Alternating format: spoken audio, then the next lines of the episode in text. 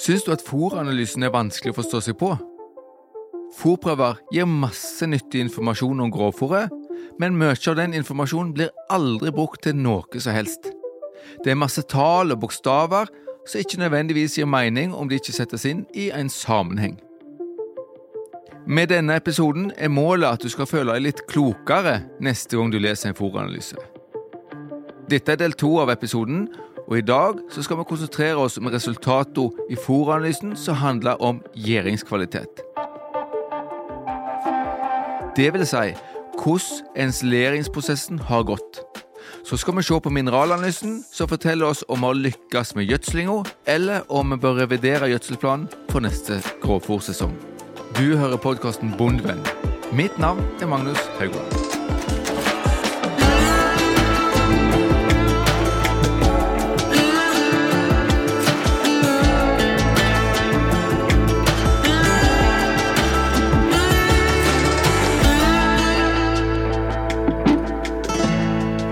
Podkasten Bondevenn blir presentert i samarbeid med Sparebank1 SR-Bank og Tveit Regnskap. Vi bidrar til at bonden lykkes. Det blir tatt ut titusenvis av fòranalyser her i landet hvert år, og tallet er økende. Mange bruker fòranalysene til å få en mer presis fòrplan, men de kan også brukes til mer enn bare fòring. Det her er Ingvild Luteberget Nesheim som snakker. Hvis du analyserer for gjæringskvalitet, så kan du evaluere om du har lykkes med ensileringsprosessen, eller om det er ting som du bør gjøre annerledes til neste år. I del én av denne episoden så snakker vi om næringsinnhold og energi. Der er det ulike mål for hva som er bra, altså hvilke verdier vi ønsker på analysen, ut ifra hvem som skal ete fôret. Når det gjelder gjæringskvalitet, så er det enten bra eller dårlig, for vi ønsker jo alltid at gjæringskvaliteten skal være bra, uansett hvem som skal spise den. Ingen liker feilgjæra fôr. For dere som har hørt på episoden vår om ensilering, så har dere fått med dere at det er mye som skjer fra du pakker gras i silo eller rundball, til det er ferdig konservert og klart til å serveres til dyra. Så nå skal vi snakke om hvilke noen tall vi skal se på når vi skal evaluere om det gikk som vi håpte, når vi gjorde jobben med å senke pH, presse gresset lufttett for å få et velsmakende fôr. Og Derfor har vi snakka med Ingrid Helene Møgedal, som nå er rådgiver i Tine. Både jeg og deg, Magnus, har jo jobba i lag med Ingrid i NLR Rogaland tidligere. Og Ingrid er en av de som virkelig har sett seg inn i dette med gjæringskvalitet i grovfòret, og gjort flere utprøvinger for å teste ut teorien i praksis. La oss høre hva Ingrid ser på først når hun skal vurdere en fòrprøve. De viktigste parameterne jeg ser på, er som regel smørsyre og, og melkesyre. Og så tar jeg alltid en kikk på sukkerinnholdet. Smørsyre og melkesyre er jo to av de viktigste syrene når vi snakker om ensilering. Og det er jo melkesyre vi ønsker skal dominere ensileringsprosessen. Melkesyre er veldig sterke syre som konserverer gresset på den raskeste og beste måten med minst eh, næringstap. Siden melkesyre gir minst næringstap, er det et godt tegn om å ha passelig innhold av den. Men hvor mye melkesyre vi vil at det skal stå på fôranalysen, det vil avhenge av hvor sterkt vi har tørka fôret. Hvor mye melkesyre vi vil ha i grovfôret er avhengig av tørrstoffprosenten. En eh, vil oppleve å få mer melkesyre i blaut grovfôr, eh, og du vil ha mindre melkesyre i, i tørt grovfôr. Ja, vi kommer jo alltid tilbake til den der tørkinga. Ja, vi kommer ikke unna det i dag heller. Ingrid sa at melkesyra er den sterkeste syra, så det er den som senker pH-en best, raskest og mest effektivt. Gjæringa skjer i vannet i eh, grovfòret, og vi vil derfor få sterkere gjæring i blaut grovfòr. Og eh, sterkere gjæring gir en lavere pH. Så derfor så vil vi ønsker vi å få en lavere pH i blaut grovfôr enn i tørt grovfôr. Det betyr vi vil ha melkesyre i passelige mengder i forhold til tørrstoffet, sånn at vi får fôret så surt at det er lagringsstabilt til den dagen vi skal bruke det. Men det kan òg bli for mye. Det kan det. Vi regner at et grovfôr er for sterkt gjæra hvis det inneholder mer enn 100 gram syrer totalt. Og Da summerer vi innholdet av melkesyre, smørsyre og eddiksyre som regel. Altså, hvis summen av disse syrene er over 100 på analysebeviset, så har gjæringa vært for sterk. Men det står som regel ikke på analysebeviset hva sum syre er.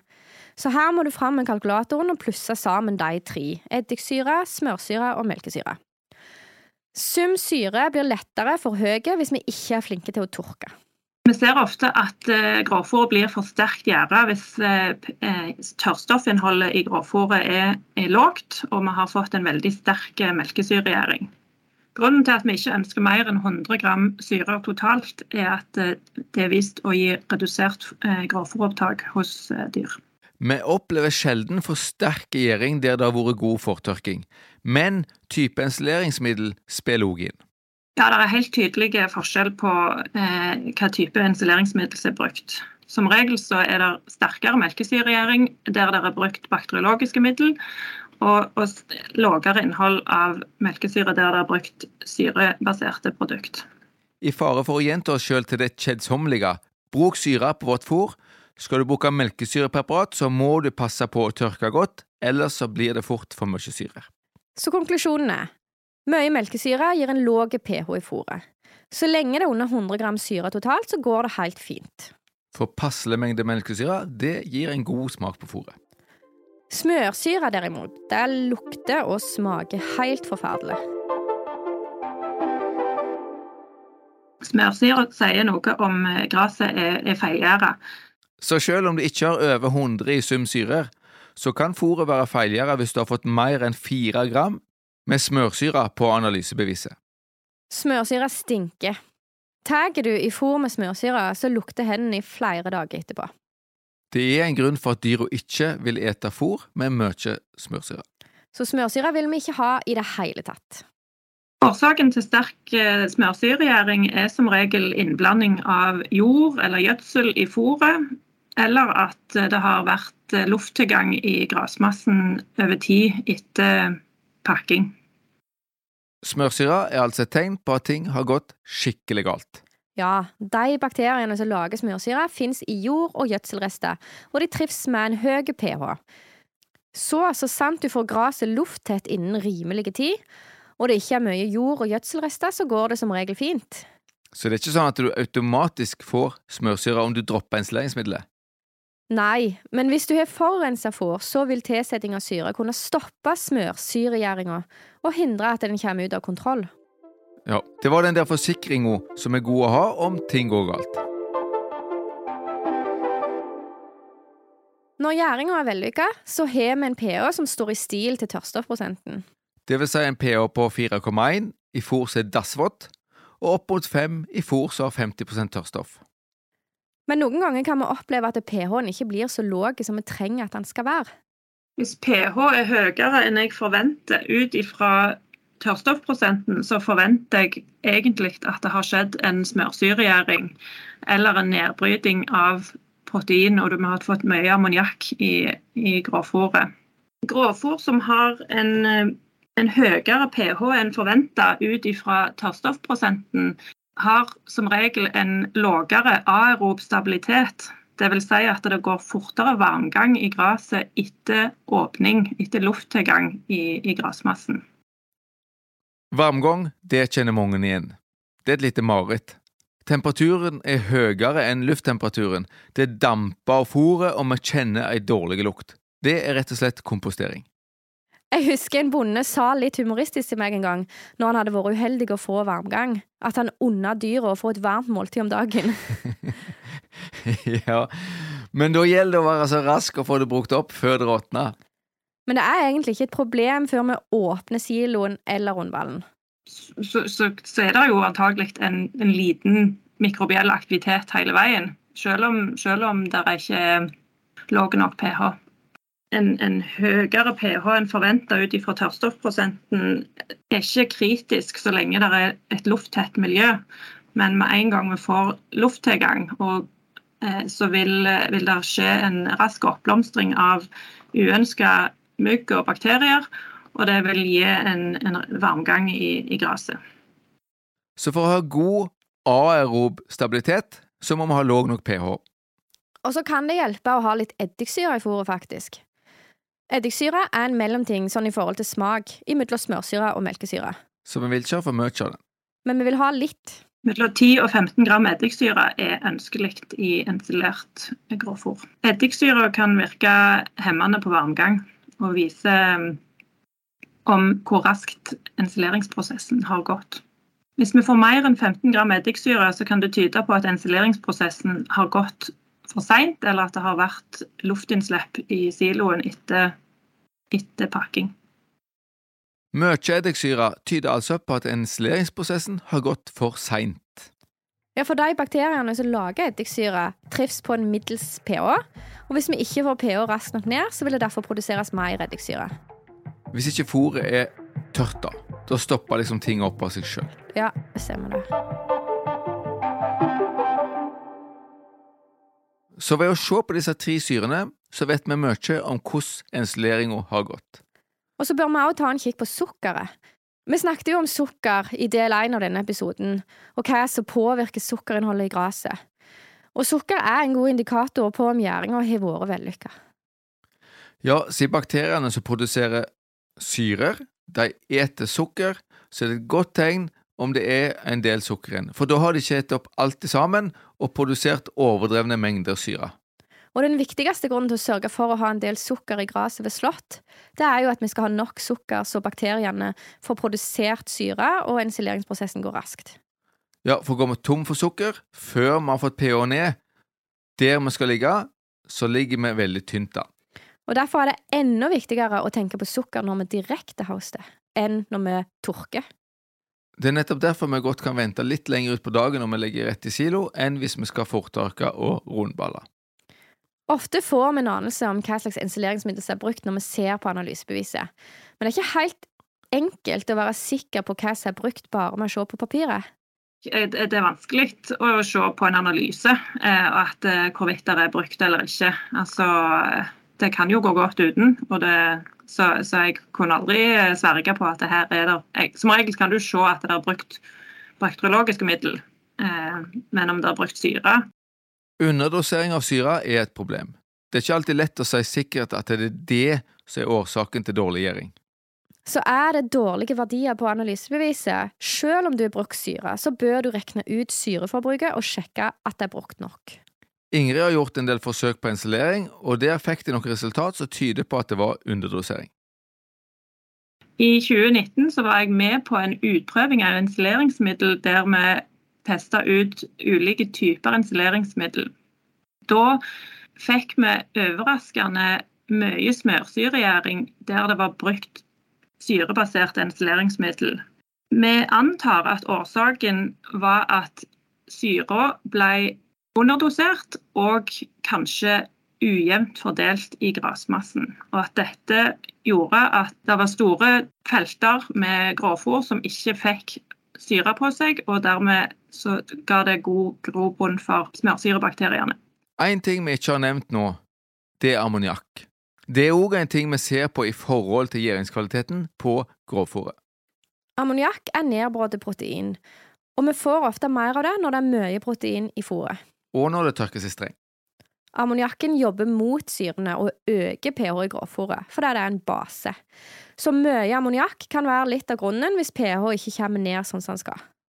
Det som er litt utfordrende, er at hos noen av laboratoriene så får vi oppgitt ammoniakk, mens andre oppgir ammonium. Derfor er ikke tallene helt sammenlignbare. Men ser vi på ammoniakk, så bør ikke den være høyere enn 100 per kilo nitrogen på analysebeviset. Ok, Da tror jeg vi skal oppsummere litt når det gjelder gjæringskvalitet. Ja, se på syrene. Mest melkesyre, litt eddiksyre og ingen smørsyre, det er bra. Og ikke over 100 gram syre totalt. Det må du se mer av sjøl. pH skal være passelig i forhold til tørrstoffinnholdet i grovfòret. Og det vil si, er det vått fôr, så skal du ned på 4,1. Er det tørt fôr, opp mot 50% så skal du opp mot 5 i pH. Minst mulig ammoniakk og den er akkurat som sumsyrer. Den skal helst under 100 gram. Mineralanalyse av fôret gir nyttig informasjon på hvordan du har truffet med gjødslinga. Mineraler det er grunnstoff som vi finner overalt i jorda og berggrunnen. Mineraler blir tatt opp i gresset, så innholdet av mineraler i jordsmonnet har stor betydning for hva gresset inneholder. Både gresset og dyra har behov for mineraler, men det er veldig små mengder det er snakk om i forhold til hovednæringsstoffer. Vi skiller jo mellom mikro- og makromineraler, og for å si det litt enkelt, så kan vi si at mikromineralene trenger vi i milligram, mens makromineralene trenger vi i gram. Når det gjelder gjødsling, så er det i hovedsak makromineralene vi snakker om, og det er de vi får med på analysebeviset om vi tar en standard mineralanalyse. Innholdet av makromineral i gresset er påvirka av type og mengde gjødsel, både husdyrgjødsel og kunstgjødsel. Å bruke feil type eller feil mengde kunstgjødsel kan koste mye penger, så en mineralanalyse det kan være lønnsomt å ta. Vi har snakket med Lise Austrheim, som er rådgiver i NLR Vest. Hun bruker mineralanalysen som en fasit på gjødselplanen. Det resultatet vi får av jordprøvene, det viser jo bare hvor mye næringsstoffer det er tilgjengelig i jorda. Men ettersom det er forskjellige opptaksforhold som også virker inn, så vil vi da med en SUFO-prøve kunne se hvor mye planten virkelig har klart å ta opp det året. Sånn at det blir en slags fasit på gjødselplanen, om den har slått til. Vi får altså tilbakemelding på om vi traff med gjødslinga, og kan bruke mineralanalysen som rettesnor for neste års gjødsling. Eh, jeg bruker den sammen med sammen når jeg skal sette opp en ny gjødselplan. Hvis jeg da har fått noen litt store avvik på SUFO-prøven, så regulerer jeg gjødselplanen etter det, sånn at det, jeg får fin balanse i fôret.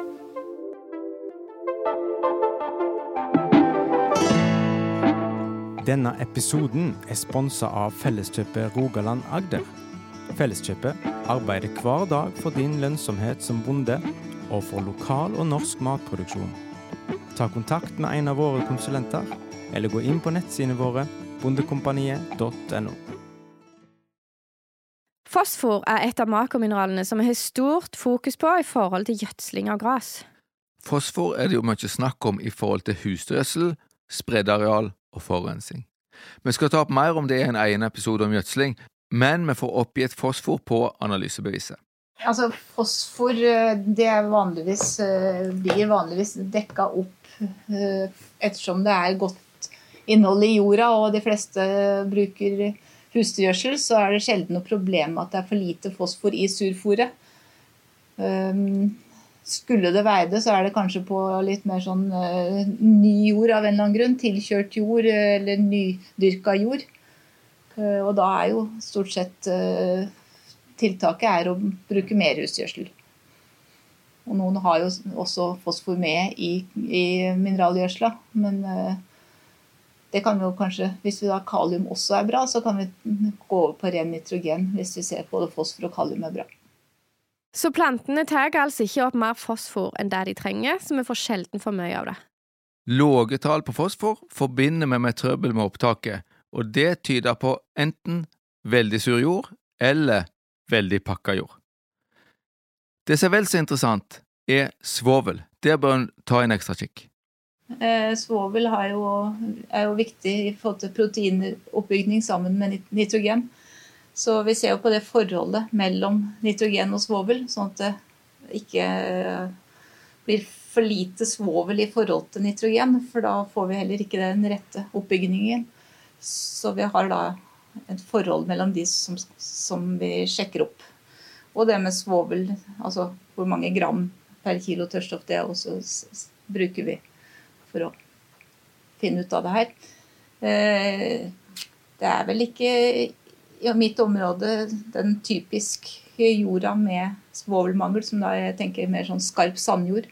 Så det er veldig sjelden at jeg er borti sånn direkte svovelmangel. Og de aller fleste som bruker en mineralgjødsel, bruker en med svovel, enten opp til NS med svovel, eller en annen fullgjødsel som også inneholder svovel. Så der de er flinke til å bruke svovel i kunstgjødsel, er det stort sett ikke problem med svovelmangel? De gangene det er for lite svovel, og da mener vi under 2,5 gram per kilo tørrstoff på analysebeviset, så er det som oftest til førsteslått. Ja, for det er om våren vi er mest utsatt for svovelmangel. Da er jordtemperaturen så lav at vi ikke får utnytta svovelen som finnes i husdyrgjødsla. For husdyrgjødsel inneholder som regel nok svovel til plantene, men det må mineraliseres i jorda. Det skjer ikke før jordtemperaturen begynner å øke utover sesongen. Så svovel og fosfor får vi sjelden for mye av, siden plantene ikke tar opp mer enn de trenger. Men av kalium så kan plantene ha et såkalt luksusopptak. Og det kan være problematisk i forhold til melkefeber, som vi har snakket om i en tidligere episode. Kalium hemmer opptak av kalsium og magnesium i vomma og gir økt fare for både melkefeber og graskrampe. Men vil du vite mer om det, så kan du høre på episode fem om melkefeber. Mangel på kalium har også alvorlige konsekvenser. Eh, kalium er veldig viktig for saftspenningen til plantene. Så du vil jo få avlingsnedgang hvis du ikke får kaliumdekking. Det vil også i tørkeår bli veldig sånn slapt og hengete. Og, og eh, kalium virker som en slags frostvæske i planten. sånn at hvis det er veldig lite kaliumdekking eller uh, underskudd om høsten, så får planten en dårligere overvintringsevne. Lise nevner skarp sandjord, men myrjord inneholder også lite kalium, og vi er derfor mer utsatt for kaliummangel på myr. Å balansere kaliumgjødslinga er kanskje det aller mest lønnsomme vi kan bruke mineralanalysen til, siden det har så store konsekvenser med både for mye og for lite. Jeg spurte Lise hva råd hun ville gi hvis det viste seg å være for mye kalium på mineralanalysen. Ja, Da tar vi en ny runde på det med, med mineralgjødsel og ser hva det er de bruker og hvilke mengder. og uh, har da anbefalt å gå over til ren nitrogen ved siden av husdyrgjødsla. Men vi har jo sett på, hos enkelte at det tar lang tid før de på en måte kommer ned med kalium igjen i fôret, selv om de bytter gjødsling. Så det henger litt i en stund. Det, hvis det allerede har kommet opp veldig høyt, så, så blir det det en stund. Grunnen til at det tar lang tid, er at hvis vi først har fått for mye kalium i gråfòret, så får vi mye kalium i husdyrgjødsla, som vi da sprayer ut, og så har vi en runddans gående. Det skjer spesielt hvis du har jord som bidrar med mye kalium i tillegg til det vi gjødsler med. Derfor kan det være en idé å bruke griseskitt et år hvis vi har problemer med for høye kaliumtall i grovfòret. Har en tilgang på griseskitt eller mulighet til å bytte med en nabo, så kan det hjelpe, for griseskitt inneholder betydelig mindre kalium hvis vi kjører på de rette mengdene. Nitrogen er òg et grunnstoff, men det står ikke på mineralanalysen fordi det inngår i protein, og er derfor en del av råprotein som vi snakker en del om i del én av denne episoden. Ja, da diskuterte vi jo hvor mye protein som er ønska i fôret, og hvordan du kan påvirke mengden du får i grovfôret. Men vi bruker òg innholdet av protein når vi vurderer om vi har truffet med nitrogengjødslinga. For lite protein kan ofte tyde på svak gjødsling i forhold til avlingsmengden. Eh, så hvis du er nede på en sånn eh, ja, under 120, rundt 100, så da er jeg i hvert fall helt sikker på Og, og fortsatt er NDF-en ser noenlunde grei ut. Da, da har du gjødsla for svakt. Da går jeg inn i gjødselplanen og prøver å finne ut om det var type mengde mineralgjødsel, eller rett og slett at de kanskje egentlig ikke har fått ut den møkka som de hadde tenkt. Og så har de ikke tatt hensyn til det når de gjødsla med mineralgjødsel. Noen ganger har vi høyt proteininnhold selv om vi har slått gresset relativt seint. Da er du sannsynligvis gjødsla ganske nærme opp mot slått og får et fôr med høy, veldig høyt innhold av eh, protein, så det, har det fôret veldig stor bufferevne, sånn at det er vanskelig å få ned pH. og Det blir problematisk å få til en god gjæring i et sånt fôr. Og det er også større, mye større fare for at du får et høyt innhold av nitrat. Og at uh, mye av proteinet blir brutt ned til ammoniakk i løpet av gjæringsprosessen. Så da, da er det en mindre, eller en dårligere energikilde for dyret. Så innholdet av protein må ses i sammenheng med høstetidspunkt og innhold av energi. Og ut ifra det så kan vi se om vi gjør justeringer på nitrogenmengden i gjødselplanen så her er det praktiske råd å hente om en tolker tallene rett. Mineralgjødsla er så dyr at de eh, bør ta en titt på mineralanalysen i SUFO-prøven for å se om de kan drive og eksperimentere med f.eks. å kutte ut kalium. hvis de allerede ligger veldig lavt med kalium fra før, så syns jeg det er veldig dumt av de å så kutte, gå f.eks. fra 25,6 og over på ren nitrogen, hvis de ikke med 25,26 heller fikk kaliumdekning. Ja. Så de viktigste tallene du skal huske når det gjelder mineraler, det er 2,5-3,5 gram per kilo tørrstoff av svovel og fosfor. 18-35 gram per kilo tørrstoff av kalium. Og 150-170 gram råprotein per kilo tørrstoff. Hvis det er avvik på disse tallene, så bør du justere gjødselplanen. Ta gjerne en diskusjon med rådgiveren din på dette, for her er det penger å spare. Men nå tror jeg vi skal gå inn for landing i dag. Enig. Kanskje vi skal oppsummere i lag i dag? Yes. Både gjæringskvalitet og mineralet er lurt å analysere for for å sjekke om du har lykkes i ensileringa, og for å justere og korrigere gjødselplanen. Du trenger ikke ta det på alle fòrprøvene du tar ut. Om du tar mange, for det er en ekstra kostnad, men ta det iallfall på noen. Det er mange tall å huske, men skal du velge noen, så se på syrene. Mest melkesyre, litt eddiksyre og helst ingen smørsyre. Og det skal være mindre enn 100 gram syre totalt. Til tørrere fôr, til mindre syre trenger du. Og når det gjelder mineraler, er kalium den viktigste du ser på. Kalium i sammenheng med kalsium og magnesium gir en pekepinn på om fôr gir økt risiko for melkefeber. Du har hørt på podkasten Bondevennen. Mitt navn er Ingvild Luteberget Nesheim. Til daglig er jeg rektor ved Vinterlandbruksskolen i Ryfylke. Og mitt navn er Magnus Haugland. Jeg er rådgiver i NLR Rogaland og lærer ved Vinterlandbruksskolen i Ryfylke. Er det noe du lurer på, eller syns du bare podkasten er skikkelig bra, så kan du sende oss en e-post til podkast.bondevennen.no.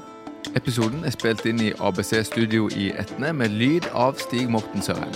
Takk for at du hørte på. Ha det bra.